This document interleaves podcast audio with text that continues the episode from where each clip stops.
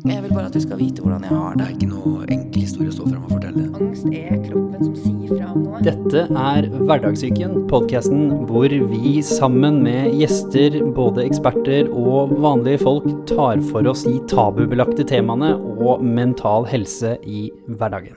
Velkommen. Velkommen tilbake til uh, Hverdagssyken, og velkommen for første gang til deg. Tusen takk. Veldig hyggelig å være her. Ja, det er veldig hyggelig å ha deg her òg. Det er veldig gøy å titte liksom For det er litt sånn annenhver gang om noen med en gang snakker når jeg ser på de og sier velkommen, eller om noen ikke gjør det, for de er sånn Skal jeg snakke nå? Skal jeg snakke etterpå? ja, jeg var kanskje litt avventende der. Jeg er ikke så klar, klar for å få noen spørsmål. Det skal du være helt sikker på at du kommer til å få. Bra.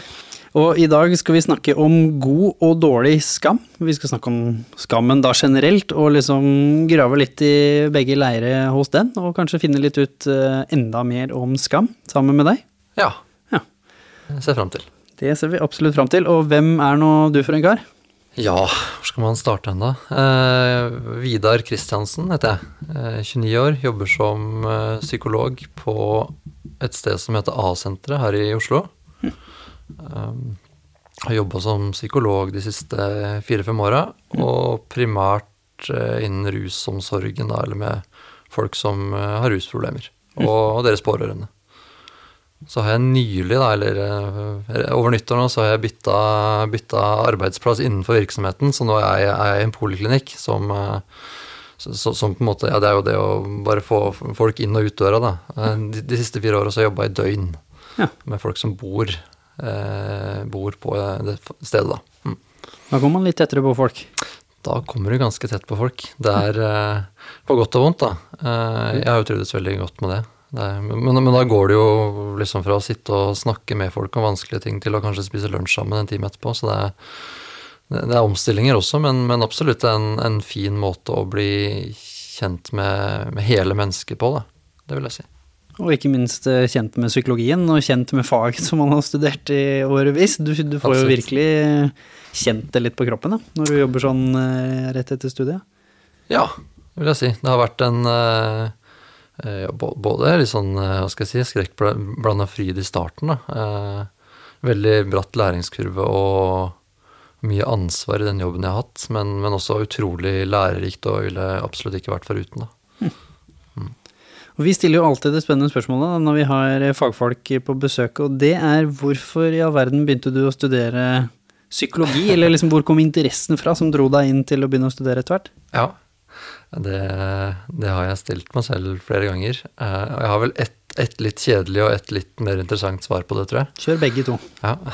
Det kjedelige er jo, eller det er sånn standardsvar, da, men eh, jeg har vel alltid hatt en viss interesse for hvorfor folk tenker, handler og føler som de gjør, da. Eh, Så det har vel vært eh, sånn naturlig en naturlig dragning mot det, da, eh, som førte til at jeg hadde lyst til å studere psykologi.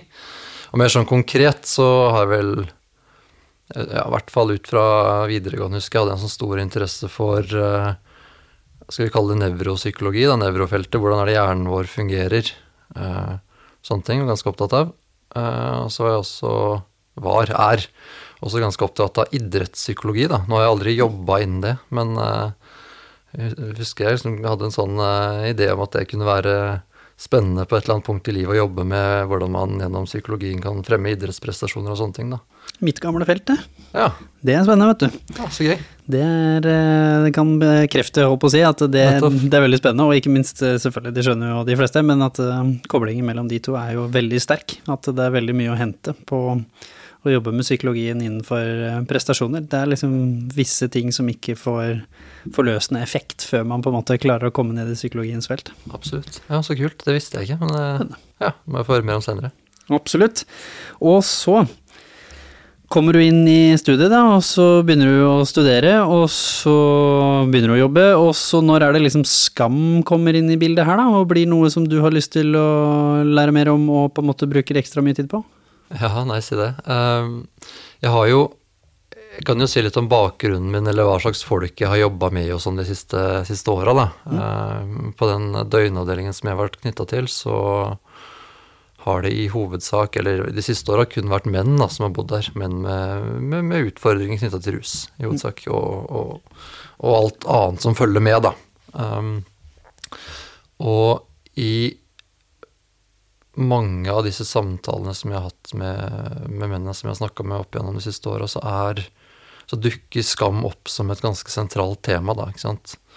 Både knytta til livsførsel, hvordan man, eller rusen, da påvirker uh, en selv og folk rundt seg, ikke sant. Og det, det, er på en måte det, altså, Skam er jo et utrolig svært, svært tema som, som, Det skal vi jo gå videre inn i også, ikke sant. Men, uh, men ofte så dukker temaet skam opp i en eller annen form da, med de jeg har snakka med. sånn at helt fra, helt fra, de første samtalene jeg hadde, det starta der i Jeg begynte vel å jobbe der som psykolog i 2017.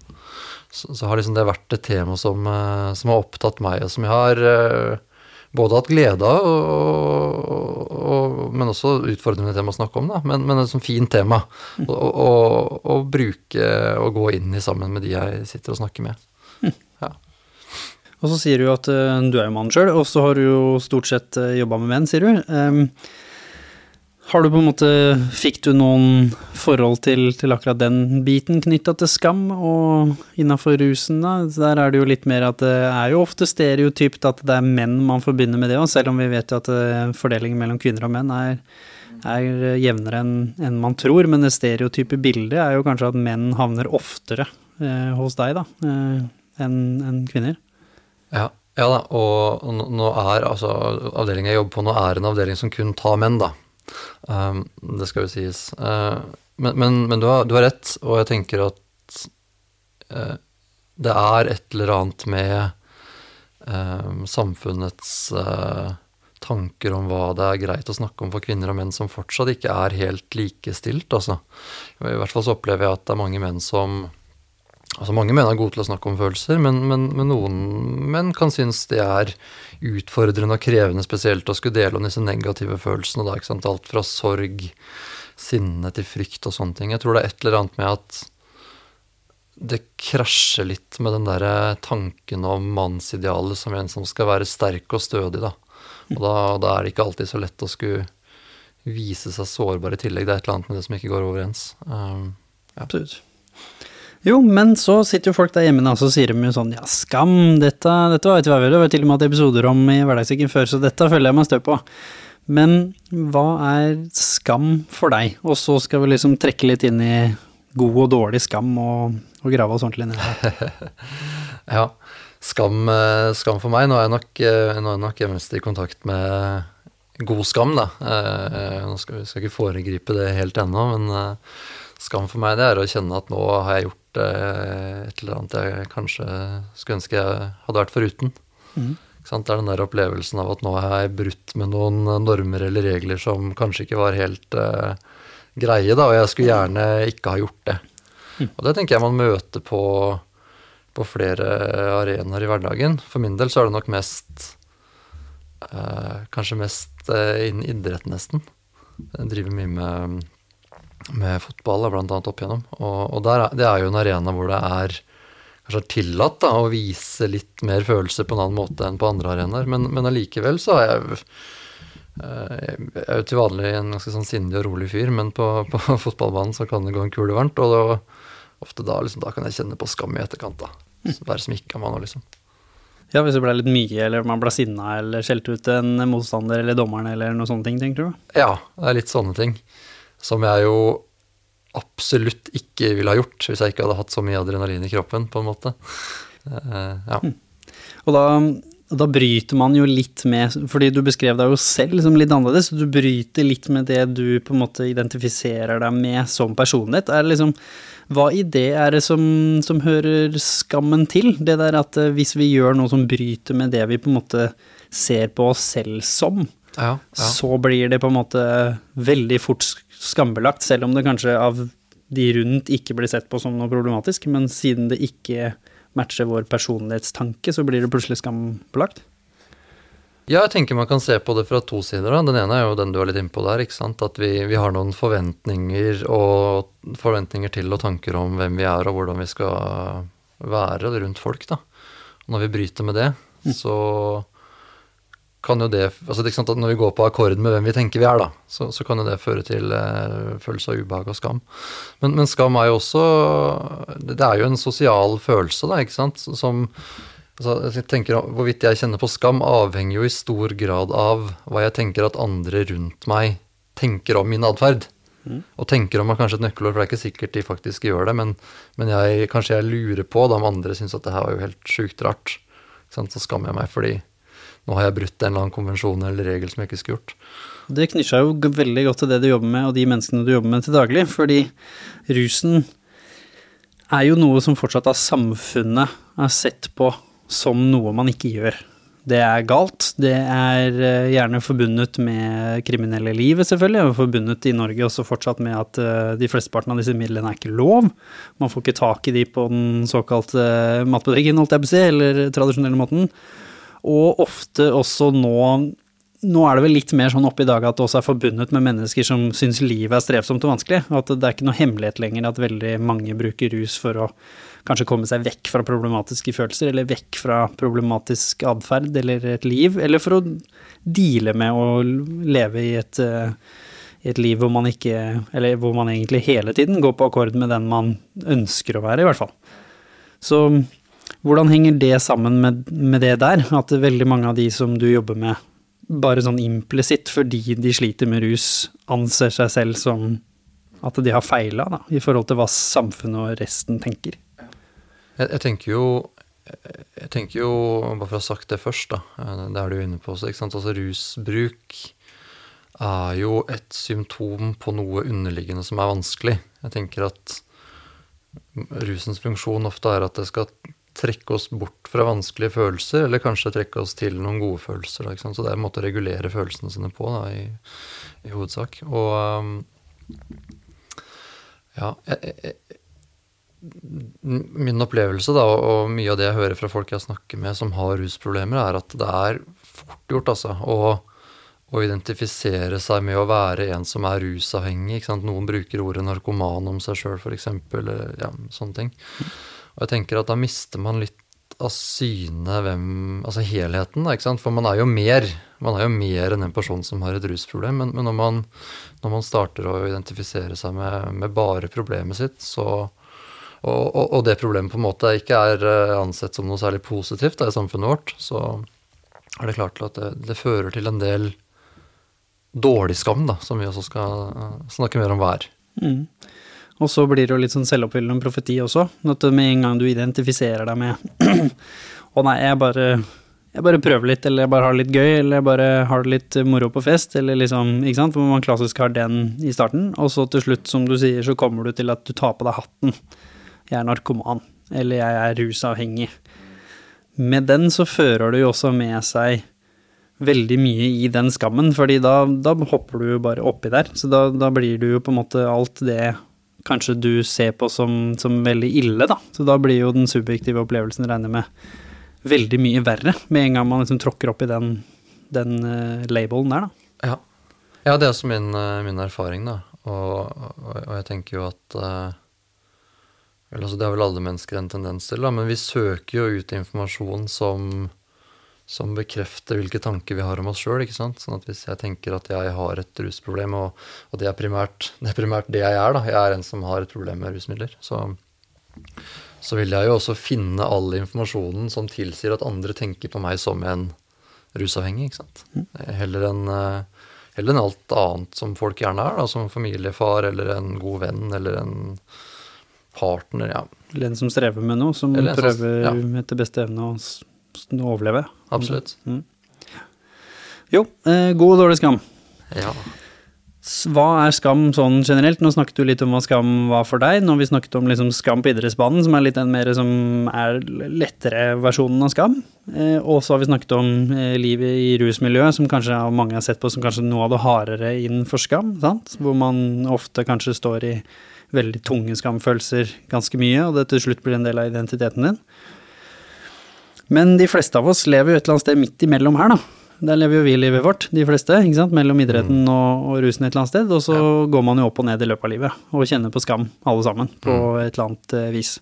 Så hva er liksom skammen generelt, og hvorfor har man uttrykk som god og dårlig? Hva, hva rommer ja, liksom skammens uttrykk? Ja, det er et godt spørsmål. Kanskje jeg skal starte med å, å si noe om følelser, da. Eh, rett og slett. Jeg tror det et, kan være så nyttig utgangspunkt. Um, Fordi skam er jo en, en, en følelse, ikke sant. Og, og, følelser vi har, de tenker i hvert fall jeg på da, som noe slags sånn emosjonelle kompass som kan guide oss gjennom et sosialt landskap. Følelsene våre, enten det er skam, da, eller om det er tristhet, om det er sinne, glede, hva som helst, så sier det noe om behovene våre, og det sier noe om hva vi enten ønsker å trekke oss til, eller hva vi gjerne skulle vært foruten. At det, det guider oss, da. Um, og, og, skam er jo et godt eksempel på det som vi kan kalle en veldig sånn tydelig sosial følelse. Fordi skammen er så tydelig knytta til våre tanker om hva folk rundt oss tenker om oss, og hva vi sjøl tenker om oss selv i relasjon til andre. Um, skal jeg begynne å si litt om skillet, liksom? Eller god og dårlig? Ja.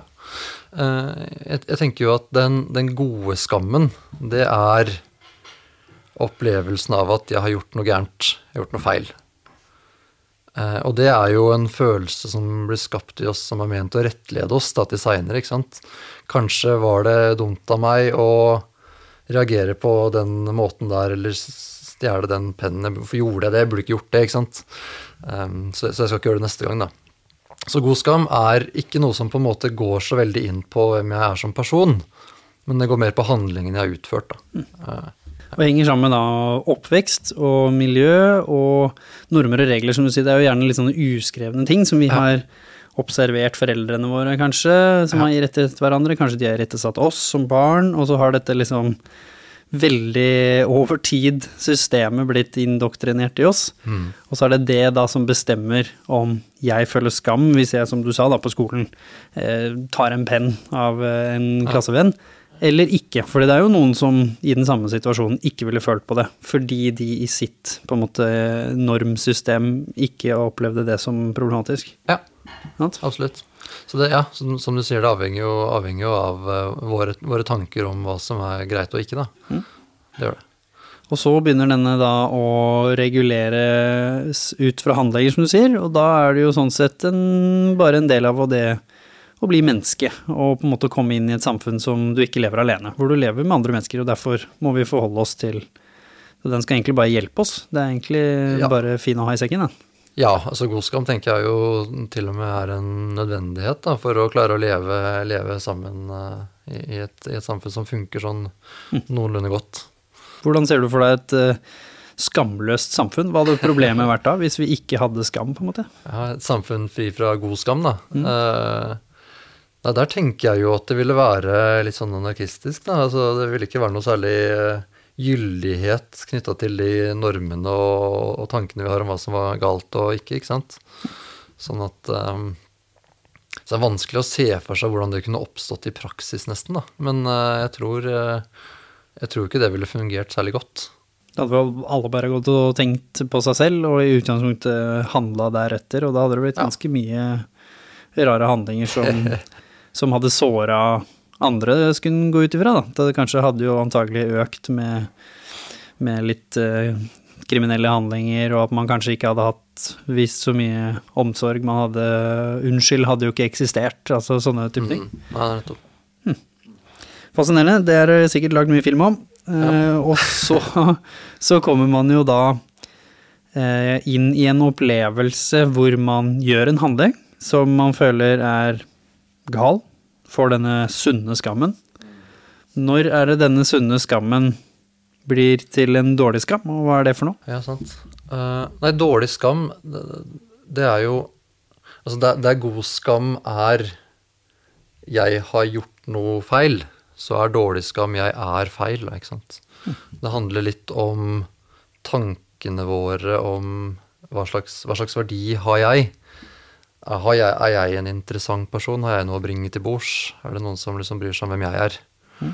Um, sånn at den dårlige skammen, den, den, handler mer om det der indre bildet av hvem vi er som person, og hvor likende eller hvor mye vi har å bringe til bordet, da, egentlig.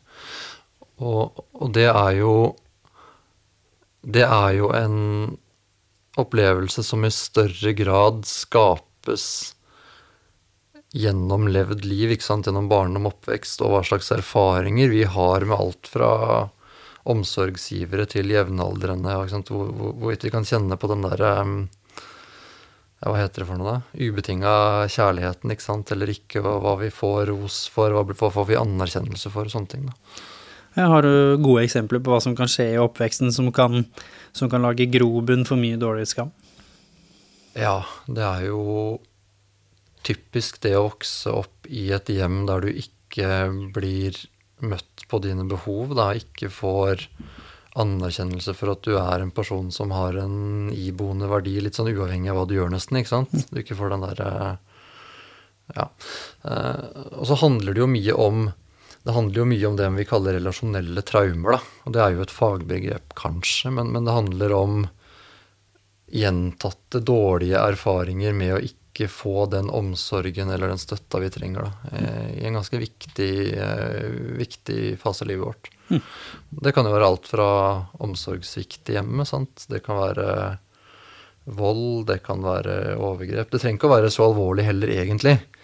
Um, vi jeg hørte litt her eh, I det siste så har vi sett at det dukker opp en del forskning som, som sier at det på en måte Det nesten er mer kompleks og traumatisk over tid inn i voksenlivet når man har hatt noen av de litt mer komplekse elementene, fordi ofte liksom disse sier ikke at det er enklere å, å stå i vold og disse tingene enn de andre, men psykologisk sett, vold er lettere å forstå. Det er lettere å forstå at det som ble utført mot deg var galt.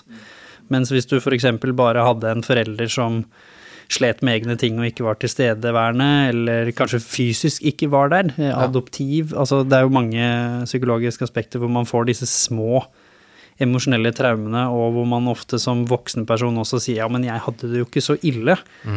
Og derfor klarer du ikke å på en måte adressere denne skammen, da, eller denne følelsen av at, som du sier, du er ikke bra nok, du er ikke verdt å elske. Du, uansett hva du gjorde, gjerne, så førte det ikke til det du så de andre fikk. Ikke sant? Igjen det sosiale, som du sier, da. Du så vennene dine fikk eh, klem og, og kyss, på en måte.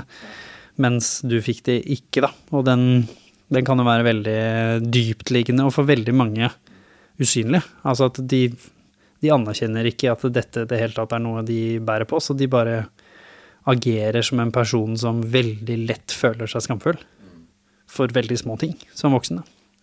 Ja, her er du inne på noe utrolig viktig. da.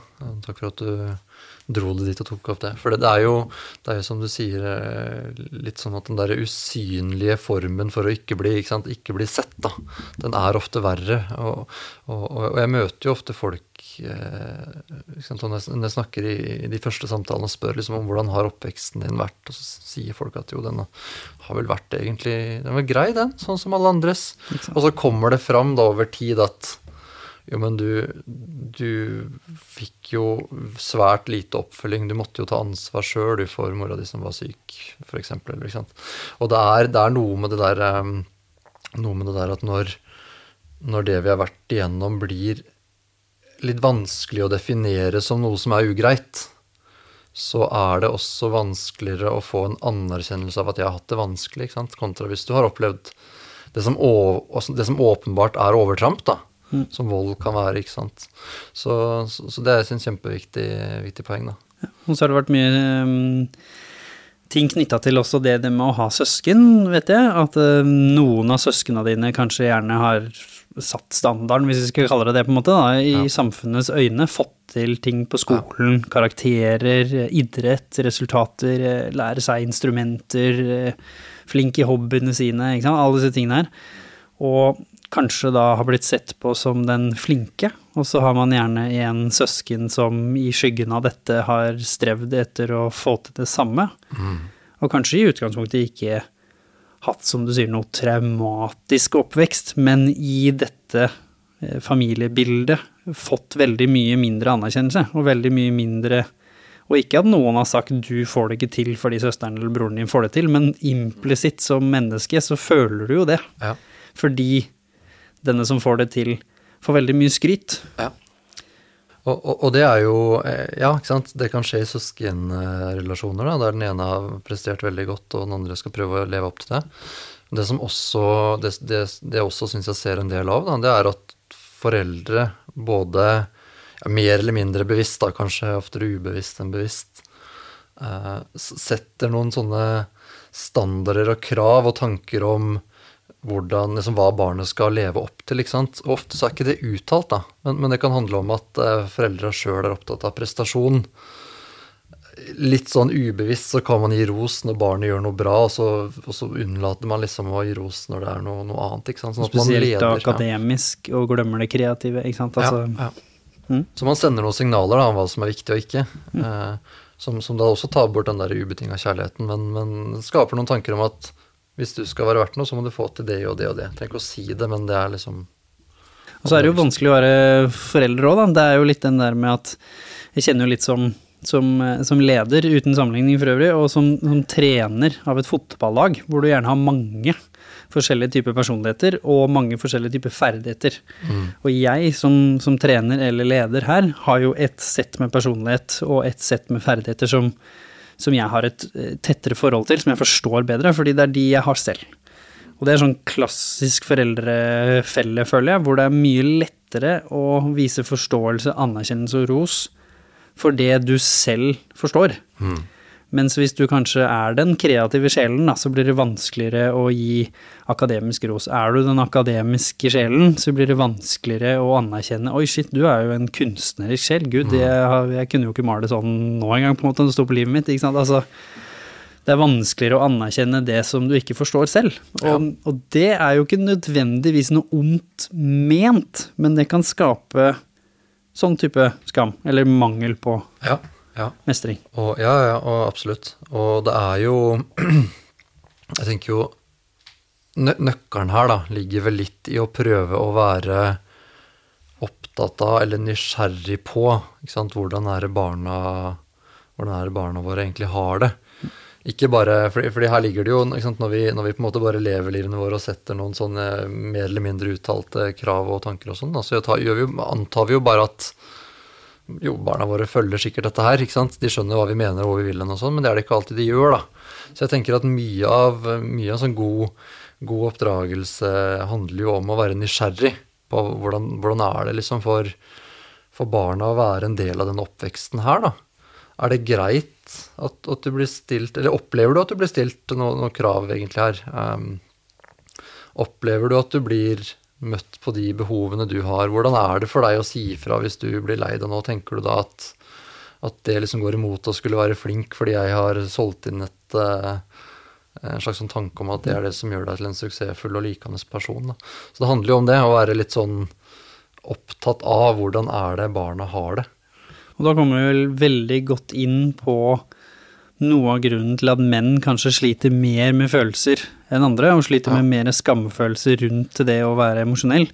Jeg også vokste jo opp med, vokste opp med veldig mye kvinner, men det var jo gjerne også ganske tøffe kvinner. Det var omsorgsfulle kvinner også, men ganske tøffe kvinner, som sånn sett eh, kanskje hadde på en måte litt mer den, den tøffe personen, litt mer en maskuline trekk, hvis du liksom skal kalle det det, innenfor det emosjonelle.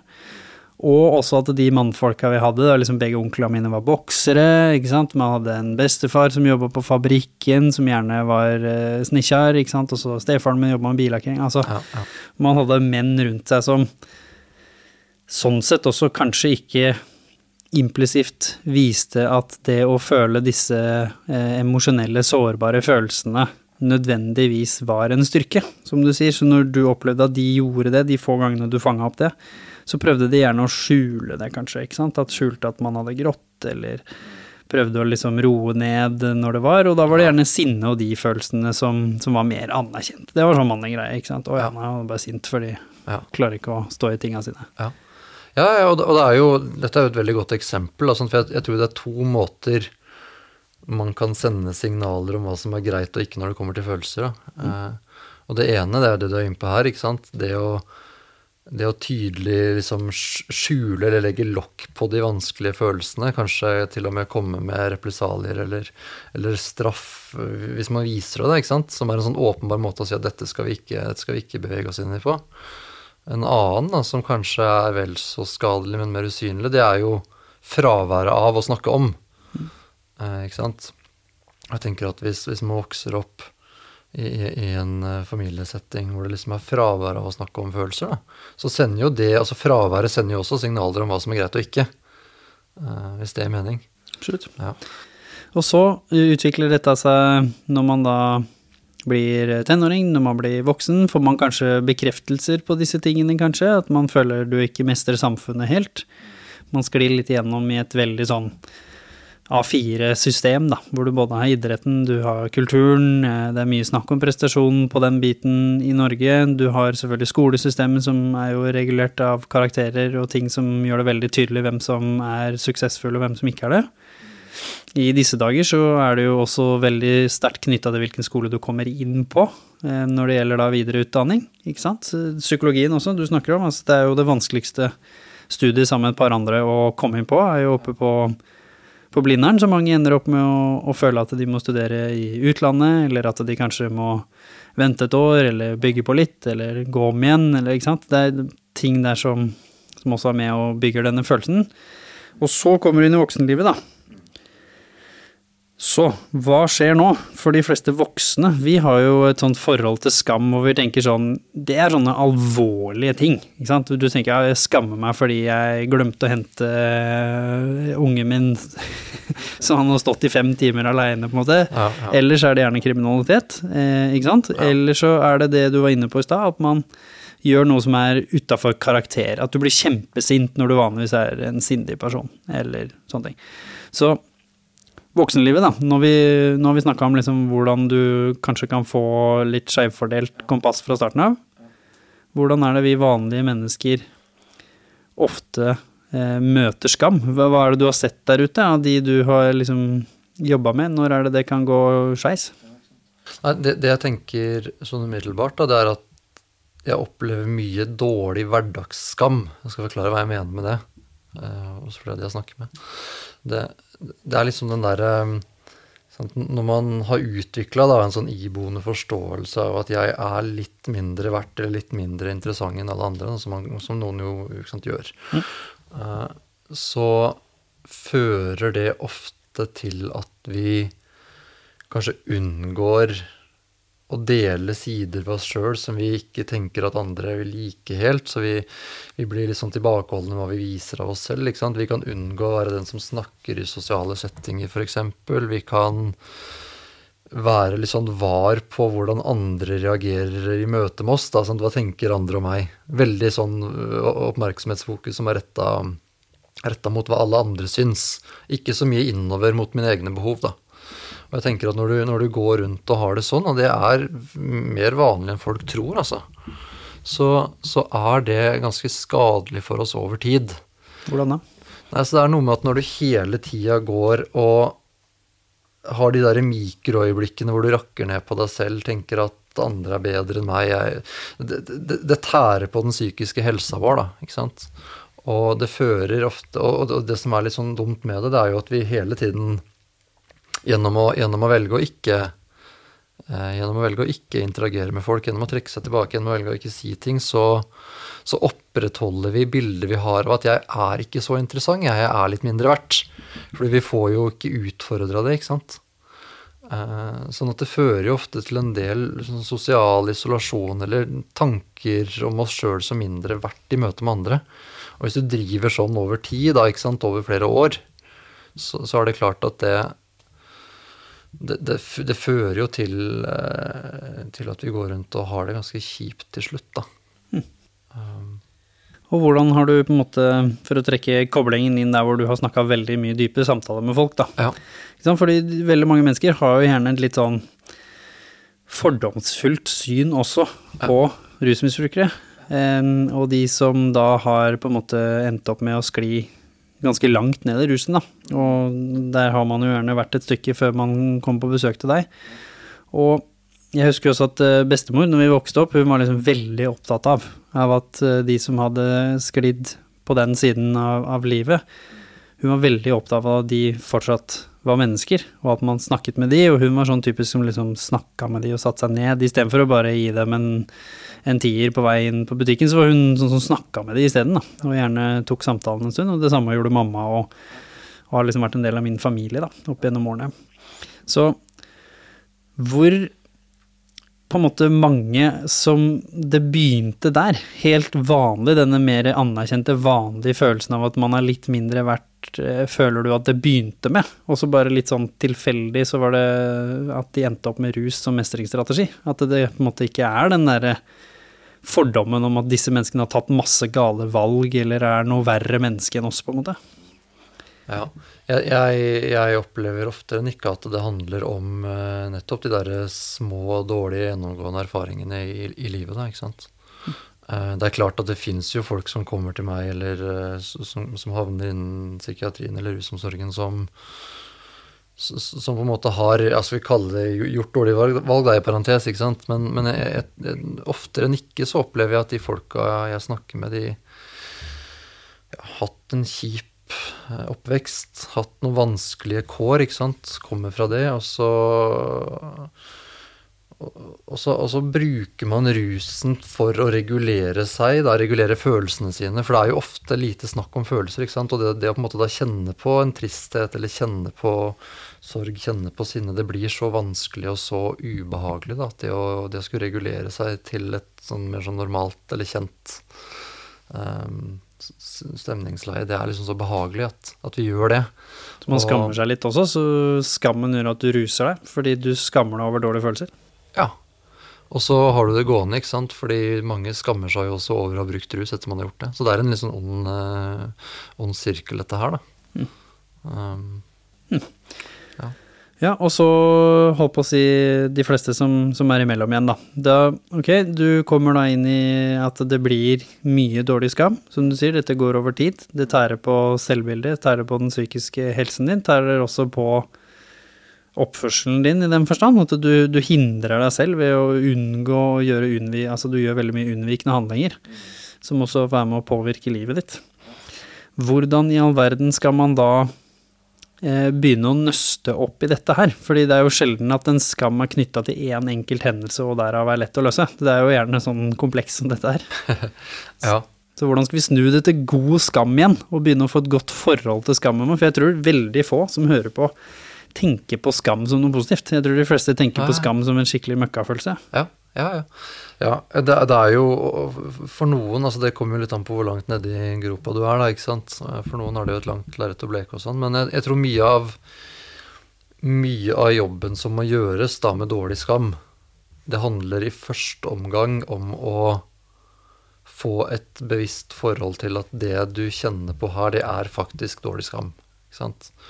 Det handler om å få um, en forståelse av at de, det livet du har levd, de relasjonene du har hatt, de har kanskje ført til at du har noen tanker om deg sjøl som du bærer med deg, og som, som har, er, av en slags form da, sant, som gjør at du tenker negativt om deg sjøl. Men som kanskje og, ikke er sånn kjempebevisst? Nei, de tenker, nei, og det er jo det man liksom må oppnå gjennom å snakke om det. da, Prøve å få et bevisst forhold til at ikke sant? Folk kommer i en første samtale og sier at ja, men barndommen min den var helt fin, den. Og så, så, og så, utvikler det seg etter hvert kanskje til at man ser at her var det noen mangler, ja. Her kunne jeg kanskje ha fått omsorg, eller her hadde jeg trengt trøst. ikke sant? Og, og, og det å få den derre bevisstheten da, rundt hva var det jeg mangla i min oppvekst, eller i ungdomstida, eller i voksen alder for så vidt. ikke sant? Hva er det jeg, hva er det jeg hadde trengt? Det skaper ofte en del refleksjoner hos oss, ikke sant. Og når vi begynner å, å liksom få et forhold, da, eller et eierskap til at uh, dette fikk jeg ikke, og det skulle jeg hatt, så kan det også føre til en slags bevissthet og en anerkjennelse da, rundt at ja, de der tankene jeg har om meg selv som mindre verdt, jeg er kanskje et produkt av det. Kanskje jeg da faktisk skal tørre å prøve å utfordre det, da, selv om det kan være dritskummelt. ikke sant? Mm. Eh, fordi, jeg tenker det man, det man trenger da, når man, når man, har gått rundt i veldig lang tid og på en måte bekrefta de negative tankene man har om seg selv, mm. det er jo nettopp å få det man kaller emosjonelt korrigerende erfaringer. Som vil si at du trenger å få noen erfaringer med at det å dele om seg sjøl, som du har tenkt at det andre er ikke så interessert i meg, ikke sant. Men det å da tørre å gjøre det, og så få en erfaring med at oi, så kult at du eh, delte det. Kan du fortelle mer om det sjøl? Få, få, de der eh, erfaringene som korrigerer bildet av oss sjøl. Mm. Det er så utrolig viktig. Her er man sårbar. Ikke sant? Absolutt. Fordi som du sier, da, når du i utgangspunktet ikke gjør det, og må da utfordre deg selv Hvis du går inn i det nå med litt kanskje underliggende følelse av at det kommer til å gå skeis, en blanding av eh, litt angst og, og redsel for skammen, at den kommer tilbake, så er sannsynligheten også til stede for at du gjør dette litt halvveis Ja. og safer litt, som da egentlig sånn nesten 100% fører til at opplevelsen ikke blir så god. ja. Og da sier du jo bare til deg selv ja, men det gikk jo skeis. Det er- Der ser du. Det ble bare enda en bekreftelse, liksom. Ja. På, ja.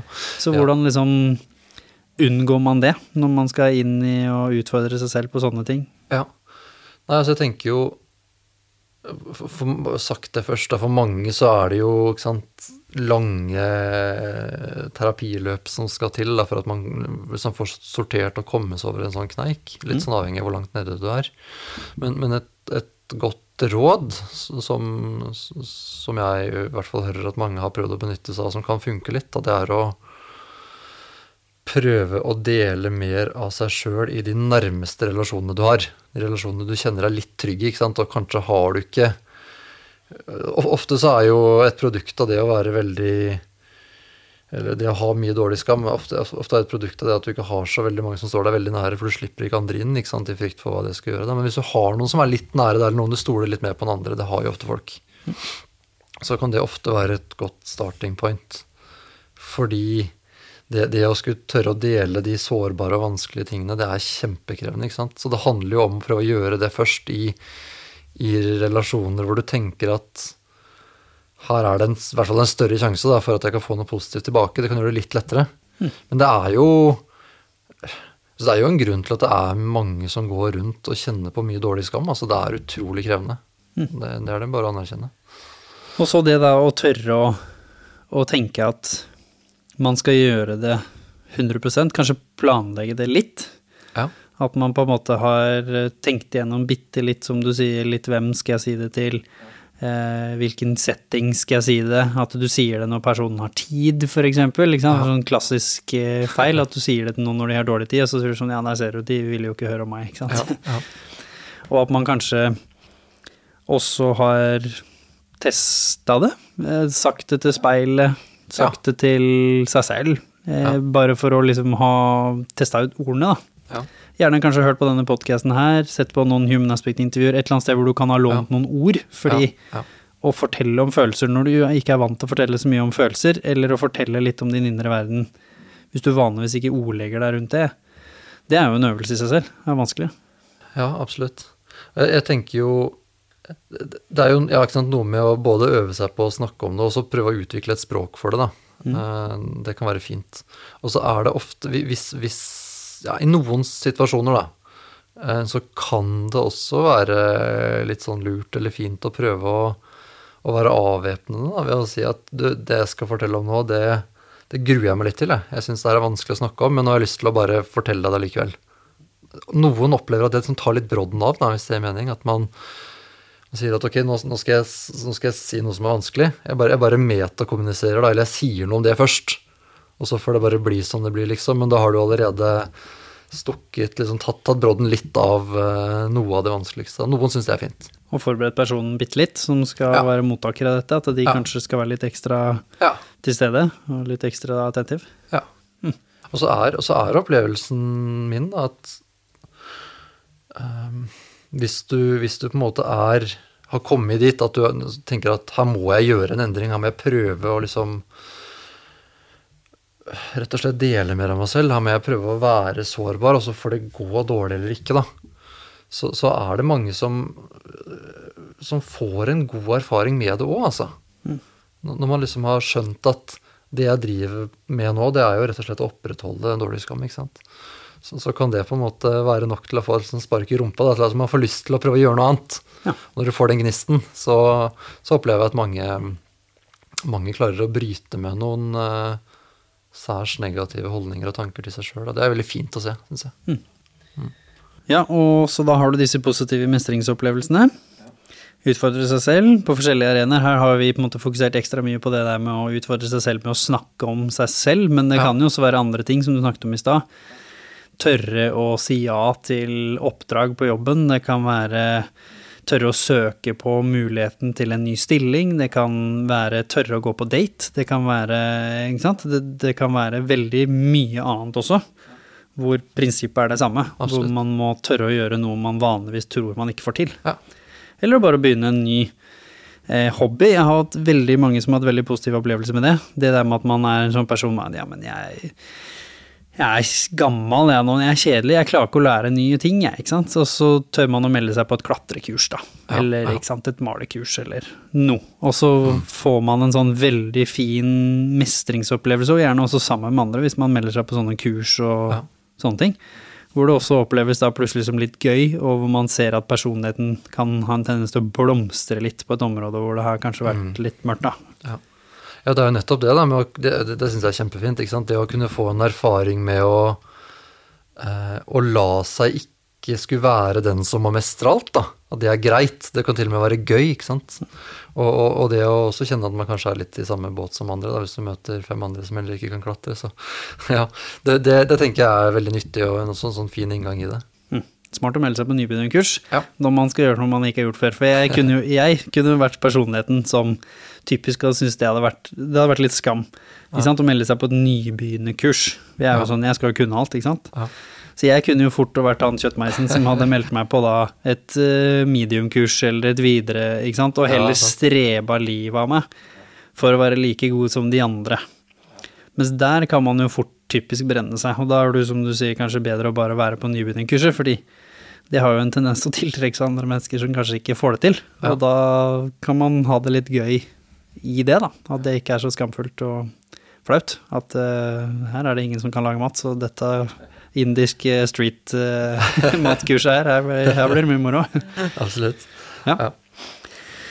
Så, um, så er det jo den biten, og så kanskje ok, begynner man å få til, uh, få til dette litt, da. Hvordan skal man da begynne sakte, men sikkert å, å på en måte introdusere skam som en positiv følelse igjen, som voksen? For det er som jeg sier, jeg tror de fleste bare egentlig anerkjenner skam som en følelse som du har lyst til å undergrave og aldri ha noe med å gjøre, men det er jo ikke helt eh, sunt det heller. Nei. Nei, ikke sant. Nei, for det er jo noe med når, når man på en måte jobber med å eh, Hva skal man si tillate Altså man, man må jo også jobbe, jobbe med å tillate seg, eller få et forhold til at jeg skal ikke kunne alt, og det er helt greit, og jeg skal kunne gjøre feil, ikke sant. Og, og jeg, jeg, jeg tenker jo at jeg tenker jo at disse tingene her, god og dårlig skam, øh, når vi snakker om øh, en sånn øh, hva skal vi si, bedringsprosess, da, kan gå litt hånd i hånd. ikke sant? Fordi når vi begynner å, å tørre å kaste oss ut og få noen korrigerende erfaringer med at ja, kanskje jeg er mer likende enn jeg trodde, kanskje jeg har mer verdi enn jeg trodde, så opplever jeg også at det fører med seg? Det skaper en slags sikkerhet i oss selv. Eh, og med den sikkerheten som kommer da, så, oss, så, følger, så følger også en slags aksept for at vi også kan kunne feile, hvis det er mening. Jo sikrere vi blir i oss sjøl, jo mer sårbar tør vi å vise oss. Fordi Fordi mitt, mitt selvverd ikke handler så mye om de enkelte hendelsene, men mer om en sånn sementert forståelse av at jeg har en verdi, da. Så, så jeg, jeg tenker jo det henger litt sammen på den måten. Og da er det jo uavhengig av handling. Du Ja. har verdi uavhengig av eh, handling, positiv eller negativ. Ja. Og så kommer vi jo da til at vi skal begynne å sakte, men sikkert, som du sa i stad, putte skammen inn som en sånn sunn følelse knytta til handling, men som egentlig ikke har noe med oss som vi er gode eller dårlige som menneske. Fordi jeg har også opplevd at veldig mange sånn ja, kanskje litt sånn ekstra innenfor eh, kropp eh, og velvære og sånn. Gjerne mennesker som eh, endelig har ilagt seg en ny vane. Man har kanskje begynt å meditere masse, man har begynt med yoga, man har begynt å trene. Og så har man en tendens til å kanskje være litt for mye fokusert på seg selv, fordi man har så positive opplevelser med det. Man føler kanskje man fortjener det, og det gjør man sikkert også. Men det kan ha en tendens til å skli litt over for da mennesker rundt deg som, som nå må håndtere denne nye deg, da. At man kan bli litt sånn Glemme litt at skammen kanskje kan regulere litt at du trenger kanskje ikke nå i denne samtalen å snakke om det femte yogakurset til de to vennene dine som ikke driver med yoga, hvor du i, en, altså hvis du hadde hatt en normal, sunt forhold til skamreglene følelser, så hadde du oppdaga i samtalen at de er ikke så interessert i fotball som meg, liksom. Så, Nei, så kanskje vi kan tone ned fotballpraten litt, og så kan vi spørre dem, du, hva har du gjort siste uka? Ikke sant? At Ja. det fokuset går litt ut Ja. fra deg selv igjen, da. Ja, og, og ja, er hvis jeg får lov til å bare dra en sånn liten, uh, liten digresjon der, jeg tror jeg var inne på det i stad, men jeg tenker at når man ser på, altså hvis vi skulle prøve å beskrive god og dårlig skam på en annen måte da, så kunne vi prøvd å beskrive det i form av hvor ærlig jeg retter oppmerksomheten min, ikke sant? Eh, dårlig skam, da, da har du på en måte et oppmerksomhetsfokus som er veldig retta der ute, du er veldig opptatt av hva er det andre tenker om meg nå, hvordan vurderer andre meg, ikke sant? Og så jo, jo, jo mer vi kommer over i god skam, da, jo mer blir vi da, ikke sant? jo mer kommer oppmerksomheten fra innsida. Og vi på, hvis, hvis, det, hvis det er i mening, ikke sant? At, at eh, Nå mista jeg tråden litt, da. Men, men at, eh, at du blir opptatt av å eh, heller, heller få med deg omgivelsene, ikke sant, og, og, og se liksom hva er det som foregår rundt deg og sånne ting. Og hvis vi blir, hvis vi blir eh, for opptatt av oss sjøl, hvis oppmerksomheten blir for For vi vil jo ikke det heller, ikke sant. Vi vil ikke være for mye der ute opptatt av andre. Vi vil ikke være for opptatt av oss sjøl, for da mister vi de andre der ute. Så det handler om å finne den der balansen der du både er i kontakt med hva andre tenker, for det er jo viktig men også er i kontakt med deg sjøl og dine behov. Eh, og, og, og når du prøver å regulere deg fra å være veldig opptatt av andre til å bli mer i kontakt med deg sjøl, så kan det jo bikke over i at du blir for, skal vi kalle det for selvopptatt også. Ja. Så det, det handler jo også om, eh, om å ha et bevisst forhold til det, tenker jeg. Og det er jo en liten sånn overgangsfase, hvor jeg tenker kanskje at man skal være bevisst på at nå er jeg litt for egoistisk. Og så har du kanskje vært en som har undergravd egne behov i mange år, ikke sant? Så, så du kanskje har behov for å være litt egoistisk en liten stund, for jeg tror det kan være sunt, både for å få Ja. opplevelse av hvordan, hvordan møter andre det, hvordan blir jeg sett nå, men også hva gjør det med meg når jeg kanskje tenker litt på mye på meg selv, da. Eller litt nye på den nye nyfrelste, da, hvis vi skal bruke et uttrykk som folk har et lite forhold til. Opplevelsen med yoga, f.eks. At det er liksom livets eh, løsning. Eller fotball eh, fordi du begynte en ny hobby, eller at du bytta jobb, ikke sant, og var den som turte å, å bytte karriere som 45-åring. Altså, det er gjerne sånne dramatiske valg som har hatt en veldig positiv påvirkning på ditt eget liv, og gjerne forløst noe underliggende som har ligget der i veldig, veldig mange år. Så er det litt vanskelig, tror jeg, å kunne komme sunt gjennom den prosessen hvis du ikke skal få lov å kjenne litt på den der nyfrelste følelsen, før du da tar inn sunn skam igjen og på en måte begynner å regulere litt og tenker sånn, Ja. ok, nå har jeg vært overopptatt av disse Ja. tingene i, i et halvt år, et år. Nå kanskje jeg skal prøve å tone det ned litt igjen og være litt Ja. nysgjerrig på, eh, på de rundt meg med sånn Ja. ja, hvordan går det faktisk på den, eh, den gamle jobben da, hvor du jobber, liksom? Hvorfor, hva er det som gjør at du fortsatt syns at det er hyggelig, kanskje? Eller, ikke sant? Ja, da, da hopper vi over Nå skal jeg, jeg tror ikke jeg skal begynne å dra inn et helt nytt begrep, da, men jeg tenker at det som er viktig i den prosessen der, det er å bevare, skal vi kalle det den gode narsissismen, som er noe, det er noe helt annet enn, ikke sant. Men, ja. men, men det å på en måte klare å, ja, eller tåle, eller faktisk øh, ønske det velkommen, at du begynner å begynner å kjenne på at liksom jeg har lov til å kjenne meg bra, og, og dette her mestrer jeg, det fikk jeg til, dette her gir meg skikkelig mye, det gir meg energi, det gir meg glede. Ja, kjenn på det, la deg kjenne på det, liksom, og la det, la det skure og gå en liten stund, da. Men, men ha, ha også et bevisst forhold til, til hvordan det påvirker folk rundt deg, fordi hvis du blir for selvopptatt over for lang tid, så er jo det også en oppskrift på å støte folk fra deg etter hvert, sant? Og dit vil vi jo ikke, for da kan du havne tilbake igjen. ja, for da kan du jo lett føle at ja, der ser du. Ja. Jeg fikk ikke lov til å være blid, på en måte. Folk likte meg bedre enn jeg var eh, melankolsk, eller hvis jeg sleit, eller hvis jeg ikke Ja. så på meg selv som så bra. Spesielt i jantelovens land. Da. Altså, janteloven er jo nede for eh, forfall, men den har jo fortsatt eh, sterkt eh, hold i samfunnet. Så i møte med forskjellige generasjoner, kanskje spesielt, i møte med foreldrene sine, eller i møte med, med noen som kanskje lever fortsatt der hvor du var, så kan dette være veldig problematisk. Absolutt. Har du opplevd det før, når du på en måte jobber med de som har stått veldig i rusen, som kanskje prøver å komme seg ut av det, som kanskje syns det er vanskelig å forholde seg til venner som fortsatt er i rusmiljøet? For det er jo veldig mange av de som, som har vært i rusen en stund, som har jo hele nettverket sitt der. Så når Ja. de plutselig skal ut, så blir jo dette veldig problematisk. Ja, det er jo ofte Ofte så er jo det et av de store prosjektene til folk, da, ikke sant. Det en utrolig sårbar, men, men også viktig for mange, erkjennelse av at det å skulle være en del, kanskje, av det miljøet der, det, det, det funker kanskje for mange ikke, da, ikke sant. Man blir nødt til å Ikke alle, da, så klart, men noen blir nødt til å ta noen ganske såre valg der, der man må innse at det å være en del av dette miljøet, som både har gitt meg anerkjennelse og kanskje noe positivt, men også mye vanskelig, da. Det, det, det kan jeg ikke stå i lenger, ikke sant? så jeg må trekke meg ut. Kanskje, kanskje handler jo mye, mye av rusbehandling om å, om å danne seg eller etablere nye nettverk. Nye positive nettverk.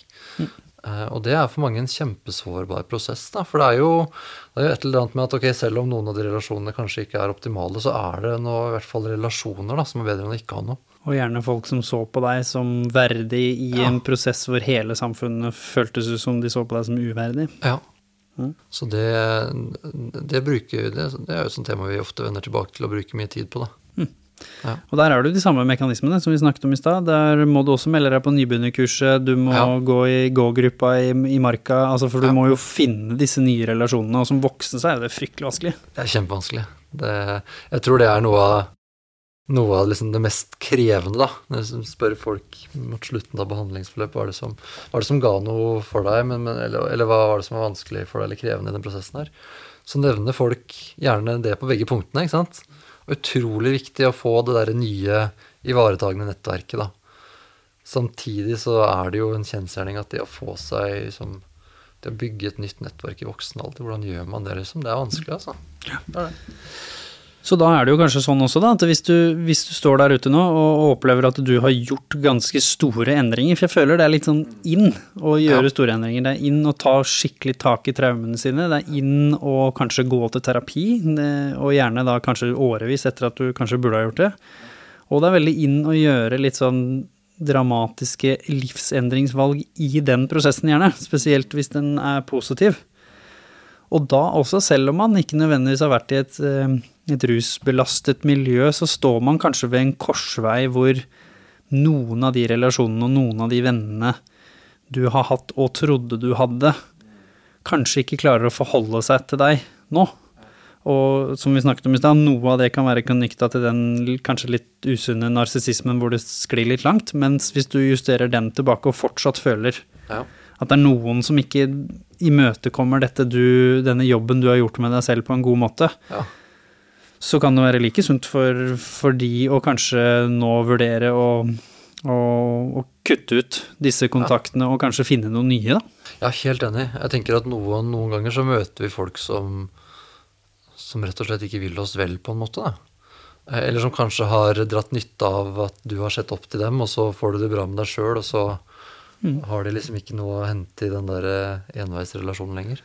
Eller det gjør at de føler seg dårlige, at de Ja. kjenner på skam fordi du fikk til å Ja. slutte på jobben, snu livet, begynne Ja. med yoga. Ja. Og jeg tenker at da, da er vi inne i noe kjempesentralt. Ikke sant? Dette er da relasjoner som vi må i hvert fall vurdere å kutte, tenker jeg. Eh, fordi det er noe med at det å Og det kan jo være kjempeubehagelig og kjempevanskelig. Liksom hvordan, eh, det, det, å, det å ta det oppgjøret, da. For det er skambelagt, å kutte ut mennesker som ikke har gjort deg egentlig noe galt. Ja. De har ikke skjelt deg ut, de har ikke de bare, Du bare føler at det er noe som er off her. Ja. Og da er det jo jeg tenker, Men det er kanskje en del av prosessen ved å bli eh, Komme seg ut av den dårlige skammen, da, og tenke at ok, dette Reaksjonene som dukker opp hos andre mennesker, de er ikke mitt ansvar. Her må jeg være selvivaretagende. Og så får de reaksjonene som kommer, rett og slett kommer. Altså, de, de, får, de får bare dukke opp, da. Det kan jo være supervondt og krevende og vanskelig og sånn, men allikevel også for en, for en mestring å liksom kjenne på at nå har jeg stått opp for meg sjøl, da. Eh, ja. Er det noen andre tips og triks du tenker på på slutten her, som, som det er eh, viktig å ta med, eller ting man må være litt bevisst på hvis man skal inn i å jobbe veldig mye med å endre en sånn en, en tøff skamfølelse? Ja, så jeg tenker jo Tenk litt på hva slags folk du omgir deg med, og hvem du går inn i skammen med, da, kan jo være et godt tips. Eh, nå sier jo ikke jeg at du, du må ikke gå til psykolog på en måte for å bli fri for skam. Eh, noen, noen syns jo det er fint å liksom få en, en ny, eh, litt sånn nøytral eh, skikkelse inn i livet sitt hvor man kan tenke fram og tilbake og sånn, men, men jeg tenker at benytt deg av folk du, som vil deg vel, da, eller som du tror vil deg vel, og folk du stoler på, noen du kan liksom bruke som sparringspartnere. Eh, og, og ikke liksom, prøv, å, prøv å filtrere litt hvor du deler hva, ikke gjør det helt ukritisk. For det kan jo virke liksom Kan gjerne bli brukt mot deg. Ja, Ja. Hva er det som er en fordel eh, hos en fagperson, da, sånn som du ser det, kontra mennesker du kjenner? Fordi når man jobber med vanskeligstilt skam, så kan det jo også være, som du sier, at man må snakke om ting fra fortiden, man må snakke om ting man er flau Ja. over. Det det kan jo hende at det ikke alltid er heldig å dele i nære relasjoner, da, som du sier. Ja, ja det, kan, det kan jo, for det første så kan det hende at det kan gjøre noe med relasjonen som du ikke kommer helt tilbake til, da. Så bru, bruker kompisen din som terapeut, på en måte, så kan det være vanskelig å gå tilbake til den kompisrelasjonen etterpå. Det er nå én ting. Og venninner som gjerne gjør Ja. det, ikke Ja. sant? Som Hvor, hvor kvinner kanskje har hatt vært flinkere til det, men det kan også ha en bakside hvis man liksom alltid bruker venninna si som søppelbøtte, eller venninna si som den man gråter hos, eller noe. Så, som du sier, så, så er det jo det de forbinder deg med til slutt også. Hvis det, hvis det blir alt man gjør sammen, da. Hvis man ikke Ja. klarer å regulere det med også å gjøre hyggelige og morsomme og kule ting sammen. Ja, det er jo én ting. Og, og det andre er vel at forhåpentligvis da, så har vel, har vel en psykolog noen sånn forkunnskaper eller tanker om hvordan man skal sortere og jobbe med f.eks. traumatisk opplevelse på en annen måte enn en venninna di, liksom. La oss håpe det, da. Ja, ja hvis en 90 i hvert fall. Eh, ja. og, jeg tenker jo at noen ganger ser jeg ikke at det, det er ikke alltid det funker å gå til psykolog, for all del, men noen ganger så kan det være ålreit å snakke med en fagperson som kanskje har noen perspektiver på hvordan vi kan jobbe med dette, som forstår det i lys av f.eks. relasjonelle erfaringer, oppvekst og sånn. da. Som kan bringe inn perspektiver som, som andre kanskje ikke umiddelbart ser som viktige, f.eks. Det kan hende. Ja. Nydelig. Så eh, hvis du sitter ute der og hører på da, og føler at dette var noe, så er det jo absolutt en god start å begynne å drodle litt tak i noen av disse tingene selv. Først og fremst må man være litt utforskende. Det, Kanskje hvis vi skal summere opp, så være det å være litt utforskende til kan dette faktisk gjelde meg? Kan det hende at min dårlige selvtillit eller min litt forsiktige personlighet kanskje er knytta til noe annet enn at jeg bare liker å ha det sånn? Ja. Kanskje stille seg det som det første spørsmålet. Litt sånn, liker jeg å ha det sånn som jeg har det nå, eller er min indre dialog og min kanskje litt unnvikende personlighet noe som er knytta til noe annet enn at bare jeg trives med det? Ja.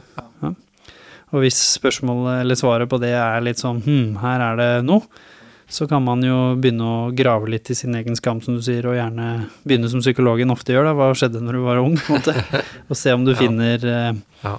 finner noen spennende svar. Og hvis du føler da at dette her blir mulig å håndtere på egen hånd med de sterke eller gode relasjonene du har rundt deg, så er jo det nydelig. Og hvis ikke, så kan det være lurt å søke fag, fagsiden av ting Ja. i, i Norge for å nøste opp i det her. Det var en utrolig god oppsummering. Det var eh, som jeg skulle sagt det sjøl. Nydelig. Tusen hjertelig. Og tusen hjertelig takk for at du kom. Det var veldig spennende. Tusen takk for at jeg fikk eh, komme. Jeg syns det har vært eh, berikende og kjempefint å sitte her og prate.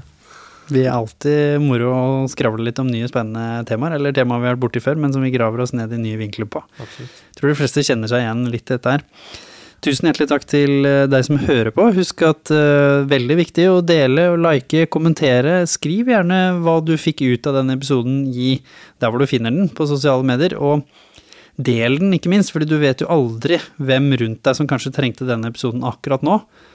Og også, hvis du vet at dette har du snakka med noen i venneflokken om, så er det også et lite sånn hot tips. Det er å sende den her til de som du snakka om det med sist. Og så sier du, og så tar vi en kopp te, og så prater vi om dette igjen etter at man har hørt på episoden. For da får du en litt sånn, litt sånn spark i samtalen som kanskje kan føre til en enda rikere samtale da, om disse temaene. Ved at alle har lytta på den samme episoden før man uh, drodler litt mer om det, da. Ja. Og selvfølgelig, ikke minst, si ifra hvis dere har forslag til temaer eller gjester eller ting dere syns vi burde ta opp, for det er jo tross alt eh, deres podkast, folkens, der ute. Ellers ønsker jeg dere bare en eh, nydelig dag videre her fra Mesh. Tusen takk.